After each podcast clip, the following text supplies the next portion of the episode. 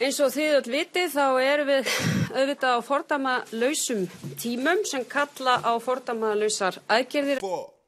Fordama lausum tímum, fordama lausar aðgerðir, fordama lausum auðvitað á tímum. Eins og þið öll vitið fordama lausar sem kalla á aðgerðir. Fymtudagur 7. mæ 2020, 53. dagur samkomubans.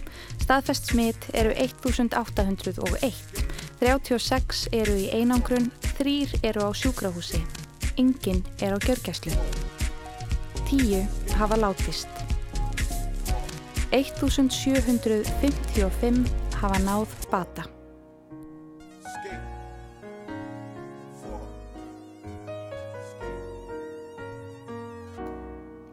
Velkomin í 11. þátt sér útgáðu lestarinnar Fordæmalauðsir tímar. Í þessum þáttum höfum við skrásett á undarlegu tíma sem við upplifum nú, það hvernig fólk tekst á við lífið í miðjum COVID-19 heims faraldri.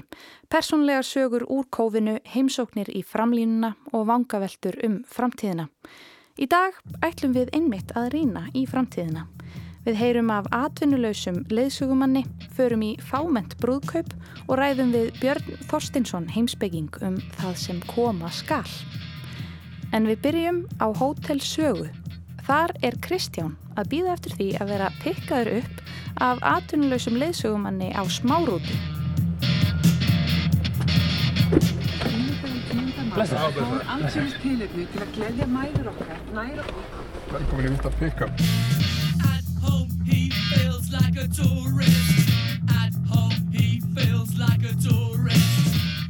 Já, ég heiti Þóran Leifsson og er reittöfundur, leðsögumæður og frík bara. Við erum stættir fyrir utan Hótel Sögu, bændahöllina. Undanferðin ár hefur komið svolítið við hérna Já. að peka upp fólk, en ekki útásmenn yfirleitt. Nei, ég er að pikka upp túrista þess að á svona smárútu yfirleitt hér og þetta pikka upp kölluð köllu Hótel Saga. Maður byrjar við daginn þess að túra, dagtúra sérstaklega á þessum pick-upum eins og við gerum núna. Og mér fannst þetta alltaf skemmtilegt hluti túrsins, þetta er svona eins og leggja kapal. Það er að segja að þú varst með lista með nöfnum, kannski átjá nöfnum í svona smárútu og þurftir að finna alla þessa einstaklinga.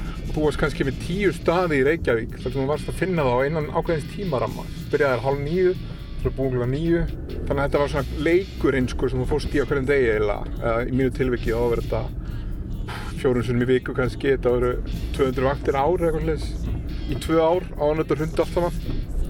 Þannig að það var svolítið skemmtilegt með pick-up þegar þú ringdir í mig það að það var gaman að ég var langað til að gera þetta því að þetta var alltaf það skemmtilegt til hluti. Mm -hmm. pikku, gengur kapallinu en einhver tíndur og svo framveg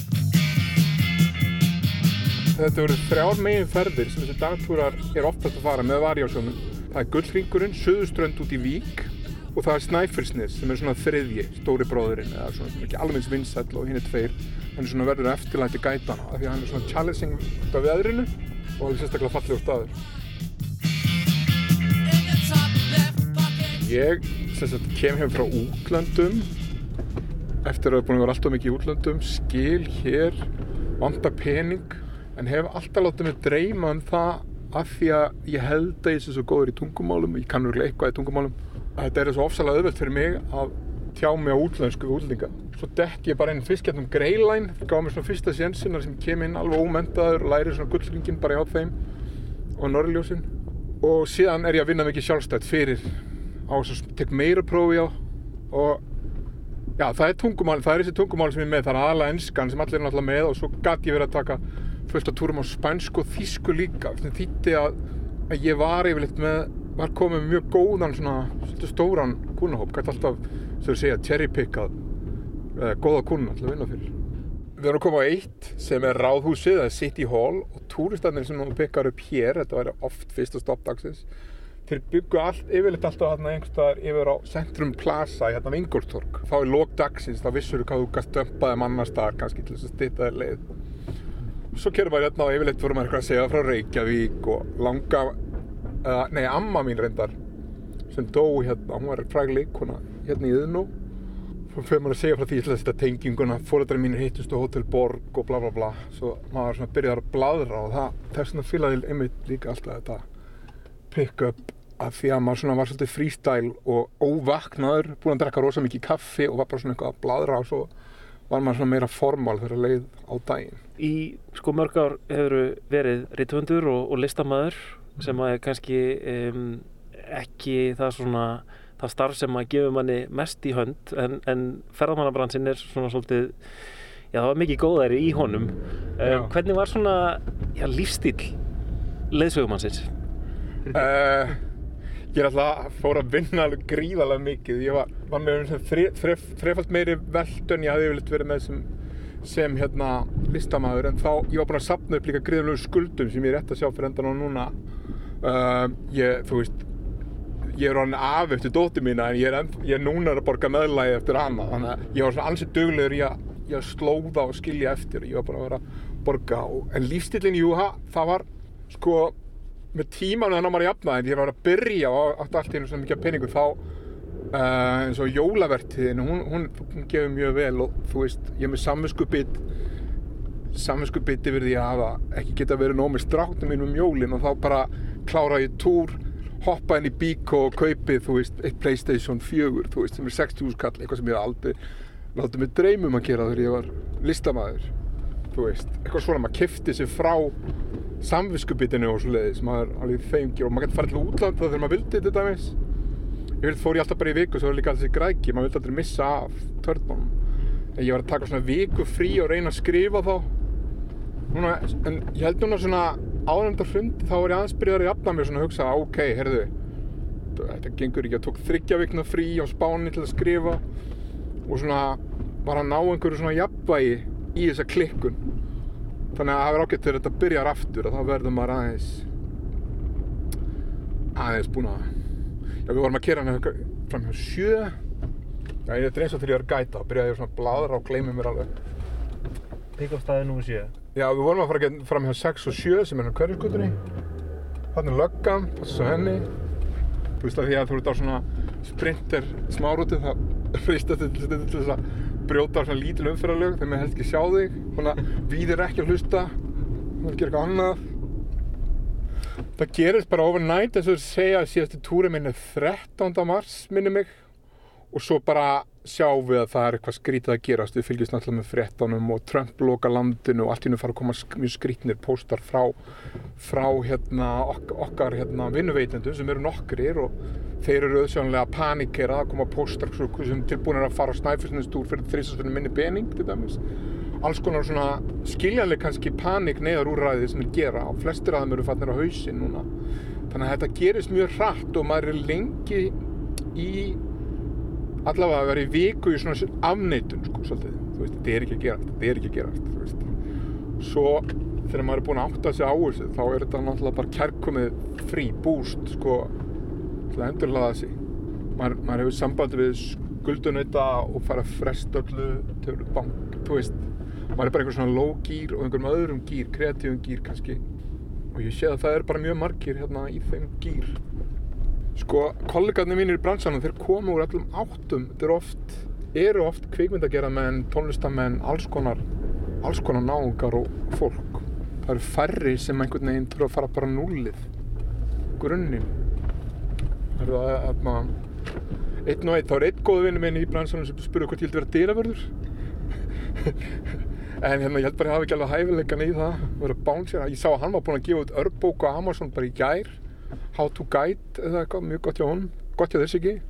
Ég held að þetta sé, þetta, þú veist, fyrir utan að hvað þetta er gríðarlega neikvætt og allt það þá eins og hrunnið fjárhagslega hrunnið, þá er þetta líka jákvætt. Það er að koma fullt af góðan hlutum út úr þessu tónlistamenn tala endalust um það og, og ég er örugglega ekki eini reytöfundun sem er að reyna að ná utan um þetta og framvegis. Býtu, nú erum við að nálgast tíu, hérna þetta er alveg risastór póstur, oft byrjaður á tíu sko. það er hlemmur hérna verður túristar á öllum áttum sko. Og hérna það var svolítið skemmt þetta á mótnana sérstaklega vetunum maður kom það er svona illa upplýst og þú sér allt í einu svona 200 manns. Klukkan er kortur í nýju og ég veit ekki hvort það sé zombie myndir en þetta er, þetta er hérna nákvæmlega eins, það kemur svona aðeins og það er svona þessi græðikisklampi í gluggan af því að það vil alltaf komast inn í rútuna og fá bestu sætin.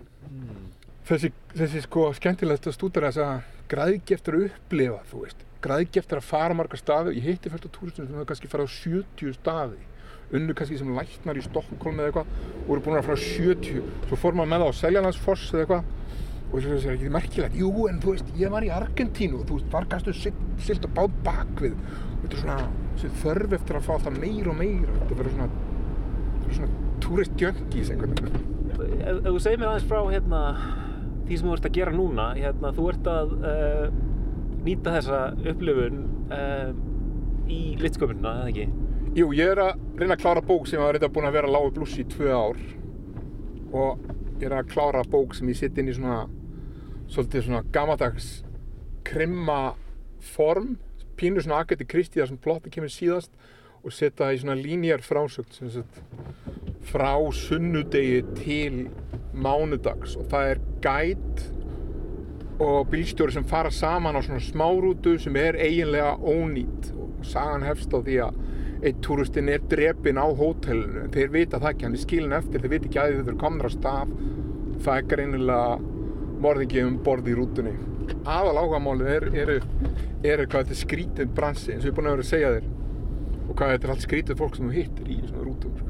og ég er svolítið að reyna að ná það á það verður svona óvart í með því að sitta það í sitta það í svolítið svona konservativ krimmaramma sem er ekkert mitt ég hef ekkert skrifað krimma en, en þú veist til þess að þetta sé svolítið nærðu jörðinni þannig sko. svo er bara að sjá hvernig þetta takist ég er að um taka alla þessa menningarstyrki núna og eitthvað en málið er að þetta verður helst að takast áður en að túrismin byrjar aftur það er aðal hættan sko. það byrjar, helg, það eru komið svona teikn á loft um sé að fara að byrja aftur þá allt í nöftu bara komin á stað bara.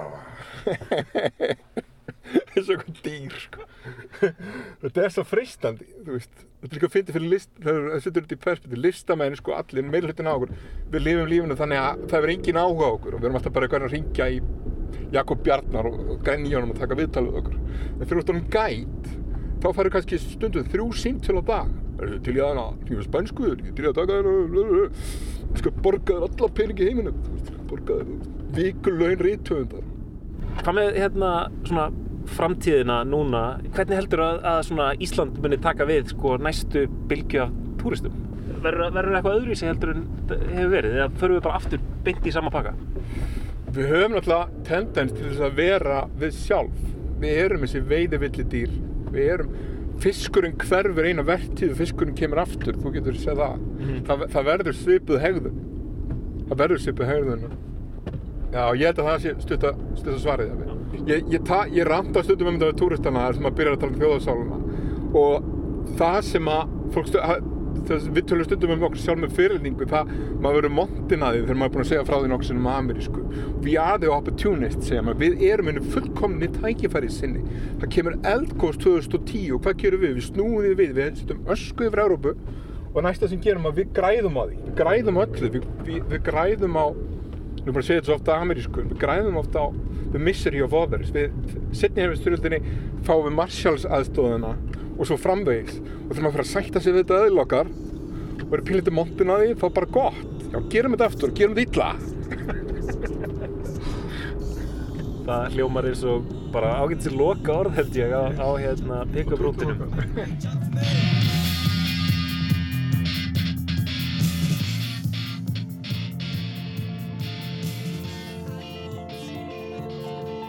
Ég heiti Hildur Snjólaug Brún Garðarsdóttir, verðandi Hildur Snjólaug Brún Garðarsdóttir Jones. Við kynntumst í ágúst, 20. ágúst 2018 þegar hann flutt til Íslands til að koma í nám og vinna hjá kirkjun okkar. Elliot er trommari í loftstofunni, Baptistakirkju sem við förum bæði í og ég var syngjandi í lofgerðarteiminu þannig að við eittum svakalega miklum tíma saman sem að þróaðist inn í alveg geðveika vináttu mjög hratt. Og ég hef alltaf verið á boðslega hrifin á hann og hann sá loksins við sér í apríl, 16. apríl 2019 þá sem sagt beða mér út. Og ég held að við höfum rætt hjónaband viku setna það tók ekki langan tíma um, hann vissi hvað hann vildi Hann sagði mér að hann elskaði mig daginn eftir að hann bauð mér út. og ég svaraði með hæl. Ég elskaði hann þetta líka. Og eins og ég segi, við vorum búin að vera bestu vinir fram að því. Þannig að þetta þróaðist allt mjög hratt. Oh, Hann bað mín 23. júli 2019. Hann vakti mig eldsnemma um morgunin sem er ekki minn tími dags.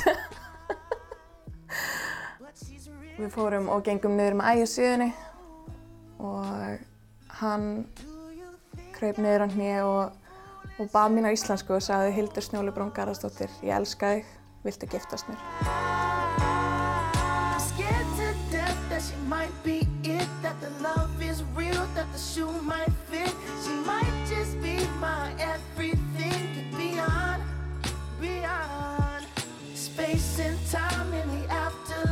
Will she have my kids? Will she be my wife? She might just be my everything and beyond.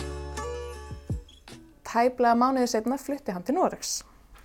Hann fór í skiptinám. Þegar hann kom heim þá byrjuðum við að, að við vorum lengur byrjað að plana brúðköpið en þá fór allt af stað.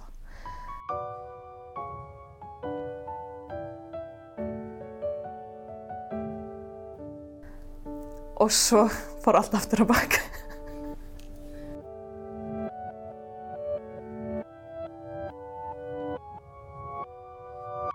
Elliot, hi my love. Um, what date originally were we going to get married? In June? June 27th was the original Because, plan. Uh, we were oh, because of just, we were graduation. just thinking to be done with graduation, and I don't know, June seemed like a good. Já. Við ákváðum í júli 2019 að gifta okkur 27. júni 2020 viku eftir útskrift okkar beggja úr háskólanum. Við leituðum að stað til þess að halda brúðköpi og komist að því að þetta er vist svakalegur business á Íslandi og það er ekkert lítið mál að finna stað til að gifta sig og við vorum nú þegar komið með 150 manna gestalista. Þannig að við ákvaðum að gifta okkur í uh, félagsgarðinum Kjós í kvalfyrinum. Indislegur staður á alla kanta, rétt fyrir utan borgina þannig að þetta er einangrað en samt ekki of langt að fara. Bílaslega fallegt útsýni yfir fjörðin, ristur garður, tjaldsvæði, þetta hefði bara allt sem okkur langaði. En þetta var ekki laust á daginn sem okkur langaði. Þannig að við ákvaðum að færa daginn fram í 27. mæ. Við hugsaðum að við hefum þá nokkra vikur eftir við skiluðum lókaríkjarinn okkar til þess að plana brúðköpið.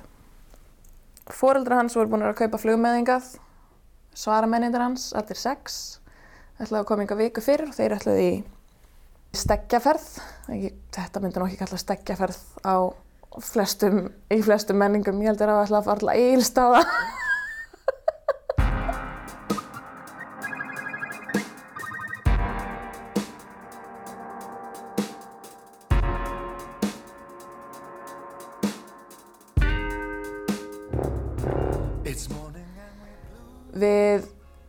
Ákvaðum að byrja að spara í staðan fyrir að fara á stefnmót þá lögðum við oft, frá.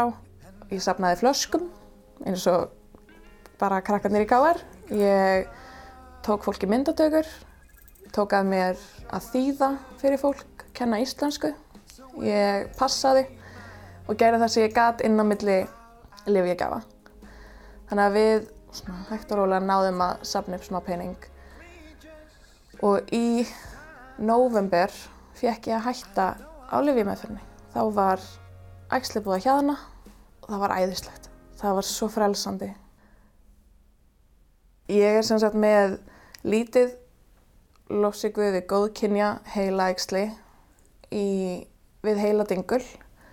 Það er ekki lífshættulegt en það veldur því miður því að ég er vanfrjó og, og hef því missið því fóstur. Það veldur offramleyslu á prólektin í líkamannum sem er hormón sem og að það getur ógnað sjóntaugunum. Ég var fyrst sett á lyfjameðferð 7. apríl 2018 sem að veldur hjá mér svakalega miklu þunglindi kemur í vekk fyrir bara að ég framleiði í raun og veru dópamin og veldur svakalega miklu máttleysi, miklu þreytu og yfirliðum. Það að ég hafi fengið að hætta lifjunum fyrir brúðköpið þýtti að ég gætt loksins byrjað af alvöru að plana drauma brúðköp. Ég gætt hugsað mér að ganga niður að verðandi eiginmannum mínum í fallegum kjól, í korsetti sem að letin þurfa að halda inn í andanum, í háum hælum. Ég gæti hugsað mér að standa lengi. Ég gæti hugsað mér að dansa. Ég gæti borðað. Ég gæti hleið. Og ég var svo spennt að hafa það alltaf daginn, deginum okkar. Ég var svo spennt að fá að upplifa það á þessum stóra degi. Ég þurfti að byrja aftur á lifja meðferð í mars sem var skelli sem við hefum ekki gert ráð fyrir og svo kom COVID. Það var ofbúslega erfitt að gera okkur grein fyrir því að þetta brúðkaup yrði ekki það sem við höfðum planað. Síðan gerði okkur grein fyrir því að við gætum ekki verið með alla gestina sem við höfum bóðið sem var nú ágætt, ég ætlaði aldrei að vera búin að koma út þessum bóðskortum, ég er mjög en við hugsaðum ok, það verður þá bara 20 manns, bara nánustu. Það var það fóröldrar mínir, fóröldrarnir hans og bestu vinnur okkar. En vegna COVID að þá var þessi tala alltaf minn og minni vegna þess að þráttur að vera með 15-20 gesti að þá ætluðum við að vera með ljósmyndara. Sjálfsögur væri presturinn aðna við ætlum að vera með litla visslu og, og í dag er bara ekki möguleiki að vera með neins konar samkomi þrátt fyrir að það væri bara 20 manns vegna þess að ég er bara ekki við þá heilsu að geta það. Síðan komist við að því að fóreldrar Elliots og bestu vinir hans koma ekki í brúðköpið. Það sem komið var upp í 200 manna veistlu er, er orðið sjö manna. Eh, aðtöfnin er augljóslega mun stittri. Það er ekki, ekki tónlist eða neinn svaklega mynd að taka eftir á. Engin dans eða brúðakaka. Það eru margir sem hafa bent okkur á að það væri bara betra að gifta okkur setna, það væri hendugra en brúðkaup snýst ekki um gestina eða kökuna eða ringina eða kjólinn. Brúðköpið snýst um að við ætlum að lofa hvort öðru frammi fyrir Guði að elska hvort annað þegar að það er auðvelt og þegar það er erfitt. Love from 99. We got the feeling right and time drifted by. What kind of fool am I to let the world go by and lose another smile? Það tók mig smá tíma að verða spennt fyrir brúðköpunu. Ég á það til með þunglindinni sem fylgir þessari lifið meðferð að vera svolítið neikvæð og þröng sín. En ég gerði mig grein fyrir því hvað ég var að vera ótrúlega sjálfselsk í hugsunarhætti mínum og gjörðu mínum gagvart Elliot að hafa ekki fremst í huga mér hvað ég er ótrúlega heppin að vera með partner í gegnum allt. Ég játaði loksins fyrir Elliot að ég væri ekki spennt fyrir brúðköpunu og hann tók utan um mig og sagði mér að hann skildi það vel en Guð væri góður og við mættum muna það að við getum verið þakklátt fyrir að hafa hvort annað og ég er það. Ég get ekki beðið eftir að giftast honum. Ég get ekki beðið eftir að bara segja já og vera hans og hann er minn.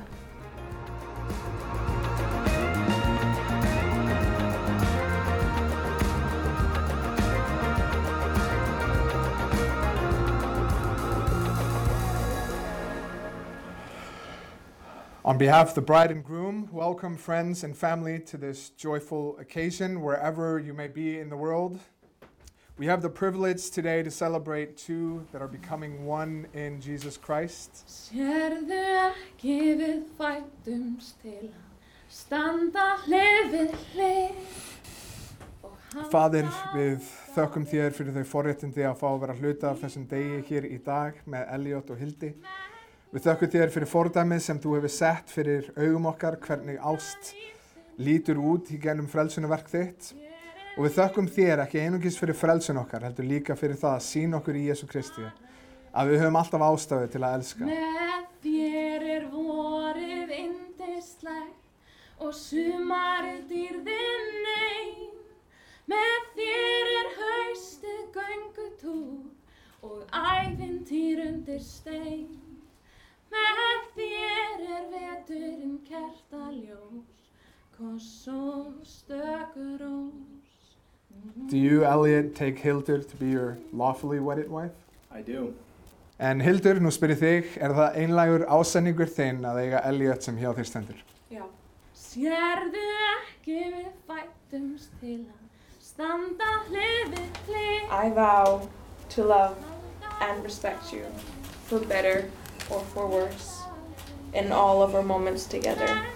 I will strive to show you love and respect when you least deserve it as much as I do when you deserve it the most. Með þér ég bara ég. Með I vow to love you and to be by your side. And I vow to love, cherish, honor, protect, and provide for you to the best of my ability, and to put your interests above my own. I vow this before God and before everyone, and I love you. koss og stökur rós. Með þér er veturinn kertaljós, koss og stök rós. Now, if we would bring the rings. So I've got some bad news about that. Okay.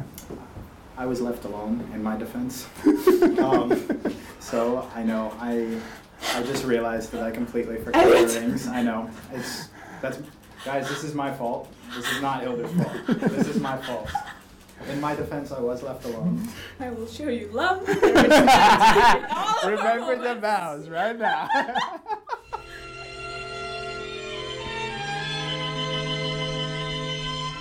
I now pronounce you husband and wife before God and man. Elliot, you may kiss your bride. Woo!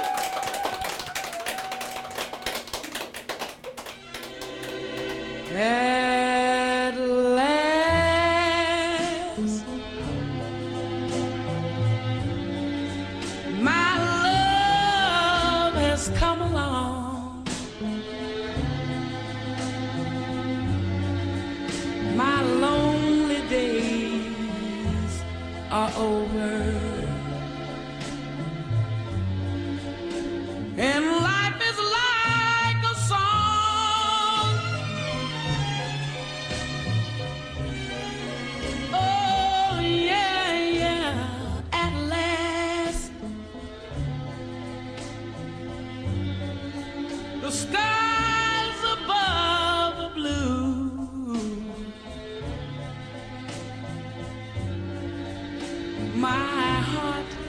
was wrapped up in clover.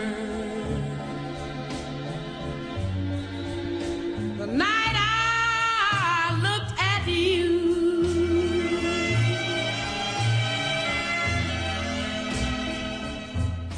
I found a dream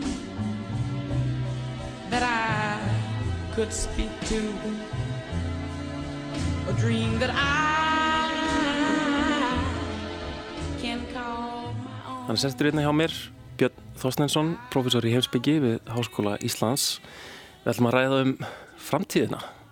Björn, um, svona yfirleitt þegar lífið gengur sinn vanagang þá uh, býst fólk við að morgundagurinn verði nú bara svona frekar svipaður deginum í dag. Svona miklar, stórar grundvallar breytingar á tilverunni eða samfélaginu virka einhvern veginn uh, óraunhafar eða jável ómögulegar. En svo stundum verða einhverju svona stór atbyrðir, það verður eitthvað róf um, og allir möguleikarnir einhvern veginn blasa við, bæðið er góð og slæmi. Það er kannski leiðandi spurning, en erum við að upplifa svona atbyrð núna? Já, ég held að það blasir nú alveg við, við vitum það öll. Það er mitt eh, skemmtilegt að velta þessu fyrir sig með, með þessa grunn hugsun okkar að morgundagurum verði eins og dagurinn í dag. Ég menna, viljum við það? Viljum við vera áfram í þessu ástandi þar sem við erum í, já, við eigum að halda tvekja metra fjarlægð svona helst sem viðmiði frá öðru fólki og við eigum að rauna umgangast hvert annað með ákveðinni svona eh, ákveðnum fyrirvara og, og viljum við það og, og væntanlega ekki, við viljum hverfa aftur tilbaka til einhvers venjulegs ástands. En um leið held ég að séu nú meirum en allir sammála um að venjulega ástandi verður ekkert sem við hverfum aftur til, það verður ekkert alveg eins og venjulega ástandi sem var áður þannig að mm -hmm. það er að verða einhverjar einhverjar grundvallabreitingar á samfélagi okkar bæði svona uh, á Íslandi og bara almennt í heiminum og samskiptu milli landa sem að við auðvitað sjáum ekki alveg endanlega fram úr núna en, en, en og eru sko, geta orðið mjög margskonar, það geta verið til dæmis það að já, fólk bara ferðist miklu minna, það verður miklu stífari landamæra það verður miklu stífari landamæra gæsla og miklu stífari kröfur fyrir því að hvernig, eh, já, hvernig fólk fer að því að komast inn í önnu lönd. Rauninni vissuleiti svona aftur hvarf til eða endur reist eh, hérna þjóðuríkisins Um, og síðan margt annað eins og bara það hvernig við förum að því að um, já, vera saman í hóp. Mm -hmm. mæta á tónleika eða í leikhús eða fótbollaleiki eða hvað sem er og svona hvernig við umgöngust okkur sjálf í sambandi við uh, það að gæta reynleiti og allt þetta þetta er svona, þetta er svona breytingar sem að eftir að snerta bæði hins mæsta og, og hins stærsta í, í lífinu Einmitt. og í veruleikanum svona eh, á nattræna vísu. Einmitt. Já, eh, það er mikið talað einhvern veginn um þetta að, að, eh, að snúa aftur til þess sem var eða og koma hlutunum aftur í gang einhvern veginn. Um, það er þessi hugmyndum að einhvern veginn fara aftur í sama farið en, en ég samála að það er svona, maður heyrir eiginlega úr öllum áttum að, að, fólk er, er, áttar sig á því að það gengur ekki og það kannski er út af þessari umræðu að hlut til sem hefur verið undanferðin ár í tengslu við loslasbreyningar að ég menna fólk var farið að já, kalla eftir því að það yrðu að eiga sér staði einhverjar svolítið uh, róttaka breytingar á því hvernig við bara lifum í rauninni. Já, það er gríðarlega mikilvægt auðvitað hver það verður sem að, hverju það verður sem að ráði því hvað hvað telst eh, venjulegt og normalt í, í því nýjástandi sem maður mun taka við. Og hérna eh, og þegar við segjum að held ég flest okkar að það sé ekki alveg hægt að hverfa tilbaka til samskonar venjulegs veruleika og var áður þá held ég að það sé vegna þess að við vitum öll einstinni að sá veruleiki var eh, eiginlega þrúaður af óþólandi mótsögnum sem ég held að hafa haft mjög slæm áhrif á, á okkur mörg svona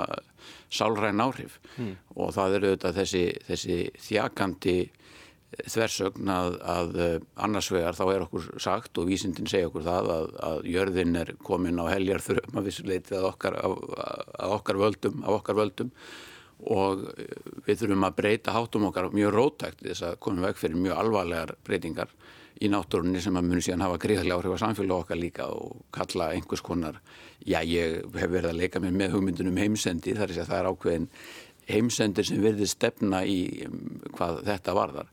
Sérst, annars vegar er okkur sagt þetta að þetta sé það sem blasir við en hins vegar hefur okkur verið sagt að það sé einfallega okkur talin trúum okkur við svona vanin á það að það sé engin annar möguleiki en þetta neyslu samfélag, markaðsamfélag, kapitalismi sem við búum við og það sé bara ómögulegt að breyta því það, það mm -hmm. sé engin annar möguleik í stöðunni og þetta, þetta sé það sem við erum við svo litið bundin föstu við, við erum hérna einhverju hraðferð já, á vitt, já, brunni bara fram að brúninni. Og við erum sem sagt algjörlega bundin föst í einhverjum vagnir sem fer gríðalega hratt og á æraðar og það er ekki takt að stoppa hann, það er engin bremsa. Þetta, þetta var okkur sagt.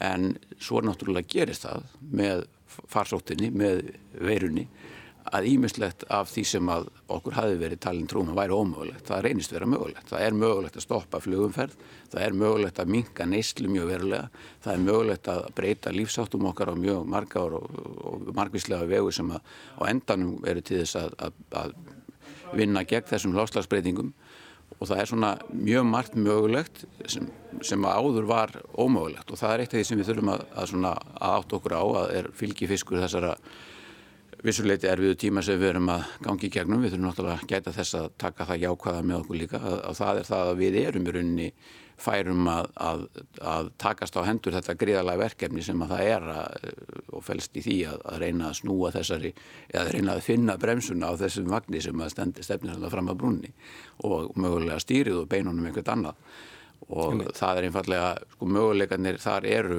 eru margir og, og, og við þurfum að hugsa tilbaka átt okkur á því hvaða eða hvað hefur verið bent á í því sambandi sem er gríðarlega margt einfallega að, sem miðar það því að minga neyslu og, og minga sóun og, og minga mengun og, og einfallega líka koma á meira réttlæti í heiminum þannig að hinn svo kallaði flótamannavandi hann uh, þurfu ekki að þjaka okkur jafn mikið og hann gerði og svo framvegist. Við vitum raun og all hvers svörin eru og nú er einfallega bara komið að því að standa sér í stekinu. Ymmiðt.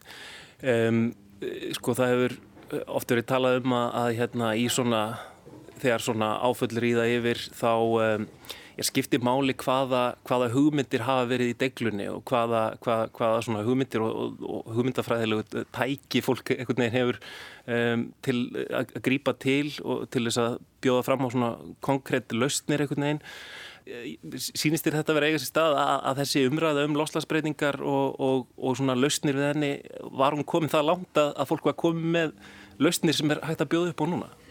Já, ég held að það sé nú, sem ég sagði, það er mjög margt til, það er náttúrulega margt kannski að því á svona fræðilegu stíu, það er svona svolítið í, í bókunum og tímaritsgreinunum og, og svo framvegis, en það ims, hefur ímislegt verið reynd e, í sambandi við það að, að, að búa á jörðinni á sjálfbæran hátt og, og undir merkjum e, svona samvinnu og, og líðræðislegar svona e, líðræðislegs réttlætis hugtags en Ég, ég vil, sko, ég fyrst, ég tekið eftir að það er aldrei umræðinni að enginn hafi uh, séð þetta fyrir að þetta geti gerst sem að nú er að ganga yfir okkur, hefur verið að ganga yfir okkur þessi, þessar breytingar á samfélaginu sem að veiran er að valda. En, en ég held að það blasir nú við að vísundamenn voru búinir að áttast á þessu fyrir laungu og ég var nú bara að uh, finna grein í morgun sem að rættur um í grein í, í, á Guardian það er tveggjára gömul grein þar sem að vísindamenn eru akkurat að tala um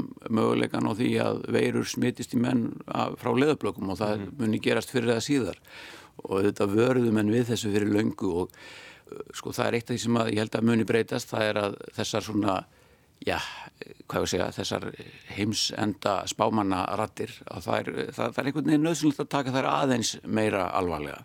Meit. Það er mjög margt sem getur farið úrskeiðis í þessu samfélagi okkar. Ég segði áðan að við, höfum verið alin uppið að það sé engin annar valmöguleiki, það sé ekkit annað í stöðunni. Er, þessi neyslu kapitalismi sé það eina sem við getum einhvern veginn uh, lifað við, eina sem við erum færum en staðrindin er svo að, að aðrar þjóðfélagsgerðir hafa bara lengi verið inn í myndinni og, og vísindamenn hafa uh, runni, hvað ég segja, það er sett fram tilgáttur um alls konar uh, katastrófur sem að geta riðið yfir þetta þjóðfélag okkar sem er alls ekki í fullkomið og það vil vera að láta það einhvern veginn vil vera svona svolítið eins og, eins og einhver gljá, gljáfægð og fullkomin vél sem að það sem ekki getur bjátað á en við vitum það samkvæmdur einslu að vita að allir, allar vélar geta bilað og það, eru, það er gríðalega margt í veruleikanum sem að í náttúrunni sem að getur sleið þessa vél algjörlega út af mm -hmm. læginu þá þarf ekki nefna einn lítinn vírus en það getur verið ímislegt annað.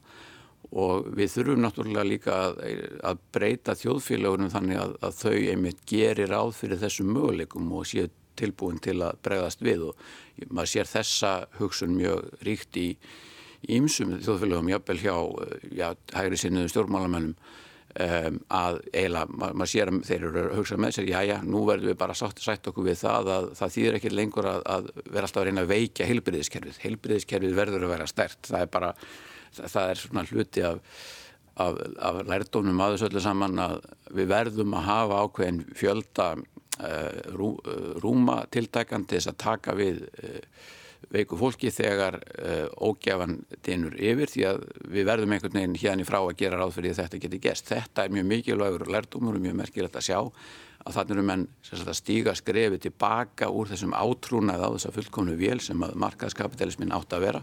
Hann er ekki fullkomnu vél, hann er, er meingallaður, stórhættulegur og ekki bara vegna þess að hann er eðilegja umhverfið.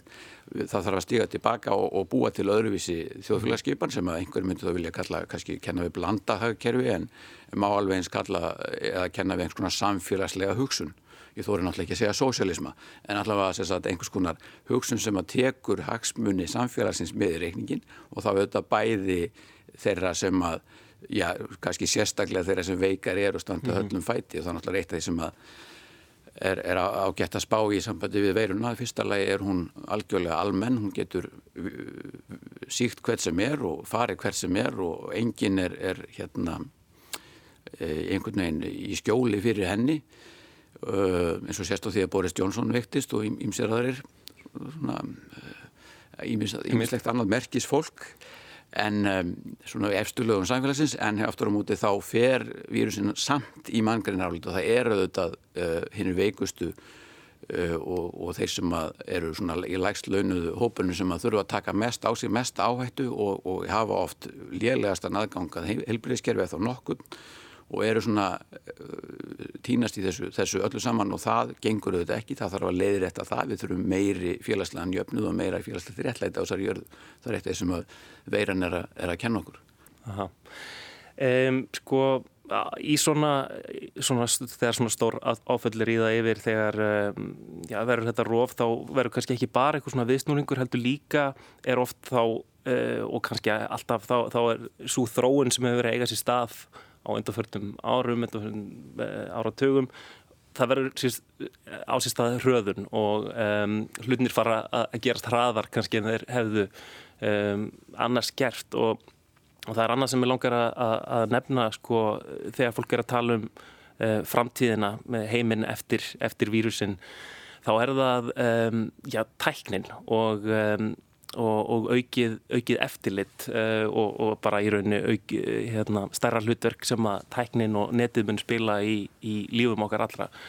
Sko, tæknin hefur verið nýtt svolítið mikið núna uh, sem svona já, viðbræð við uh, farsóttinni að það hefur verið að reyna að koma í veg fyrir dreifingu vírusins með með tækninni. Hvernig, hvernig hérna, blasir þetta við, við þér? Það eru margir, sko, um, margir sem óttast að, að ríki fari að, að fylgjast meira með tæknum sínum en svo er það líka þessi tæknifyrirtæki um, sem að eru að fá stöðut meiri um, völd og, og þekkingu um okkur öll.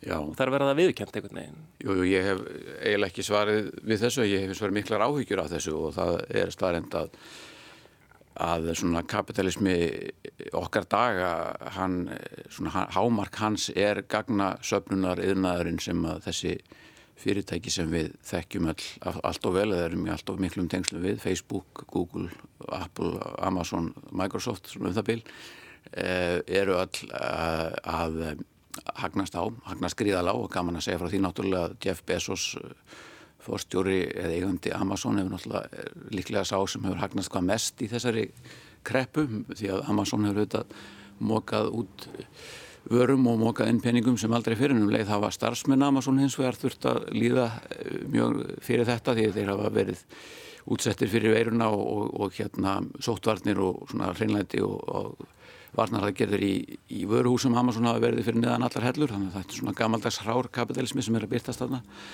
En jú, við tókum mjög mörg okkar, allavega svona millistjættin kannski, við sem eru störfum í þjónustu geirunum, þá settum við mörg undir okkur hausinn til neitt núna í, í mars og, og, og þurftum að um, færa all okkar vinnu yfir á netið og, og Microsoft Teams og þetta fórið Zoom sem engin veit hver á, uh, hafa orðið svona heimilisvinnir hjá okkur mörgum staðrindin er auðvitað svo að, að öll vinna sem að verður fer fram á netinu að henni fylgir einhver gagnasöfnun og það er alltaf einhver á þeim enda sem er að, að, að reyna að hagnast á því hver, hvernig maður hefða sér og hvernig maður nota netið með hverju maður er á fundum og svona hvaða, hvaða fólk maður er með á tengiliðalistanum í símanum sínum og svo framvegis það er alltaf jafn ógnilegt þegar að fólk er að benda hvert öðru á það hversu mikil gagnarsöfnun er, hún er alveg með ólíkindum, ég var bara að sjá um daginn að að í, nýjum skilmálum hjá Facebook þar er veitum aður Facebook leifi til þess að snuðra um allt sem maður gerir eh, í tölvunni sinni með, þó maður sé ekki einu svona í nettingdur veitum að það leifi þetta er náttúrulega ánábyrðað, ég sá þetta náttúrulega bara sjálfur bara á Facebook þannig að hlustundu verða bara að fara sjálfur að leita þessu en eh, já, við erum vissulega sko, tæknin er vissulega þörf og hún hefur bjargað miklu og, og okkur tókst til dæmis í Háskóla Íslands að halda út í kjenslu alveg nokkund veginn óáreitt sem að er alveg eh, magnað og, og maður verður bara að játa það þetta er, þetta er stórkurslegt að geta gert þetta á hans að stopna hilsu nokkur sem hans í hættu mm -hmm. en um leið þá er þessi gagnarsöfnunar yðnaður vonandi ekki í framtíðin og við þurfum að, að spórna mjög við fótum þar. Það er auðvitað að hafa komið fram hlutir eins og eurósku persónuvendarlaugin og persónuvend hér á Íslandi hefur auðvitað staðið sér frábærlega í því að reyna að halda, svona, halda sjó fyrir okkur öll í þessum mikla stormi sem þarna er. En, en sagt, spurningin er eiginlega sko, það sem að ég vona að verði nú ekki niðurstaðan af þessu öllu sé það að við förum í svona yfirgnæfandi mæli að stundavinn okkar eh, lokuð af í eiginlega einhvers konar klefum eiginlega bara heima hjá okkur. Einmitt. og missum tengslinn við hvert annað því að ég held nú að svona, það kom ekkert í staðin fyrir mjög gamaldags og látæknileg líkamleg samskipti. Og svona helst líkamlega snertingu, ég vona nú að það verði bráðum svona að gefa einhver kostur á því að maður megi uh, klappa okkur fólki allavega á aukslina en, en hérna Eh, þannig að ég held að það sé mjög mikilvægt og annað í þér auðvitað það að, að já, hvernig sínir valdalítið fólk eh, mátt sinn? Það er með því að koma saman á stórum fundum og, og segja okkur er nóg bóðið og þetta er nú eitt af því sem að ráðamenn í heiminum vita mjög vel og eru mjög hrættir við og af góður og gildri ástæðu það er áhugavert að bara skömmu áður en svona í vikunum áður en að, að faraldurinn skall almennilega á þá voru mótmæli mjög víða um heim. Einmitt. í Beirut og Alsýr og, og í Suður Ameríku og viðar og viðar það sem að var verða, já það er alltaf sagt að sama, fólk veit ekkit hverju það er að mótmæla. En að mörguleiti held ég að sé að mótmæla þessu sem ég talaði um áðan, það, það er þessari óþólandi mótsögn sem að þjóðfélagi hefur verið þjakað af að allt stefnir í rauninni til fjandan sem leið okkur er sagt að að, að vélinn virki fullkomlega og allt sé í besta og stakasta lægi og svo rauninni kannski fylgi þá með einhvern veginn svona sagt eða ósagt að þetta munir rettast en, en hérna fólk er einhvern veginn fyrstulega er náttúrulega ríslendingar uh, manna bestur í því að tala um að þetta eitthvað rettist en og ég held að aðra þjóði séu kannski svona síður kynkjæftar fyrir þeirri hugsun.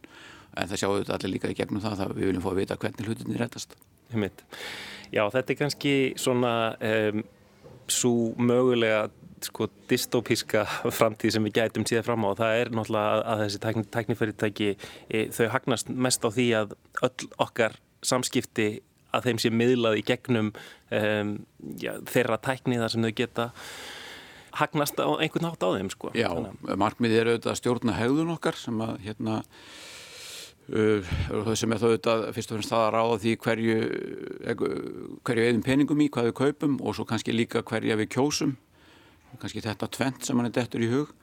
Uh, mögulega líka hverja við hittum og hverjum við hérna tengjumst.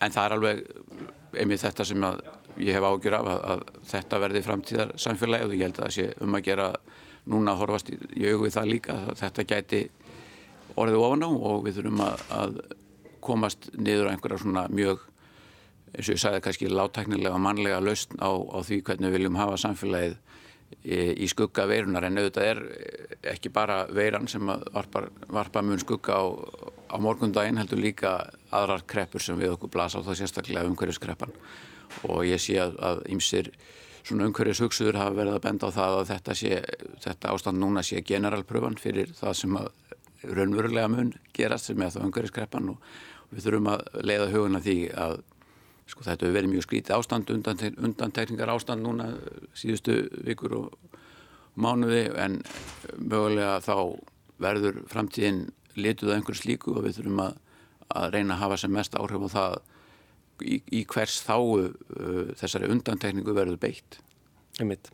Já, framtíðin um, óskrifaða blað, kannski einu sem við vitum að hún verður, uh, morgundagurinn er ekki alveg eins og dagurinn í dag. Björn Þorstensson, takk kærlega fyrir komuna í lestina. Takk. Og þar með líkur 11. þættinum af sér útgáðu lestarinnar fordæmalauðsir tímar. Frá með næstu viku fáum við Kristján að snúa aftur í útvarshúsið og dagskrá lestarinnar verður aftur með hefðbundnara sniði. En við munum þó eflaust bæta við einhverjum sérþáttum tengdum heimsfaraldrinum á næstu vikum. Þið getið áfram sendt okkur hugmyndir af umfjöldunaröfnum á lestin.ruf.is sem og ykkar eigin sögur.